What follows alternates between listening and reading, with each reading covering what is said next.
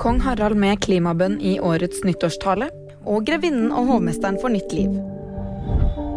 Kong Harald peker på klima som en hovedutfordring i hans årlige nyttårstale. Og klimaet er nå det mest alvorlige.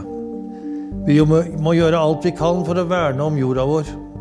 Både for å beskytte menneskers hjem og for å bevare den fantastiske naturen der alt levende henger sammen. Det sa kong Harald. I tillegg til klima tar kong Harald opp krigen i Ukraina og påpeker at 2022 har vært et dramatisk år.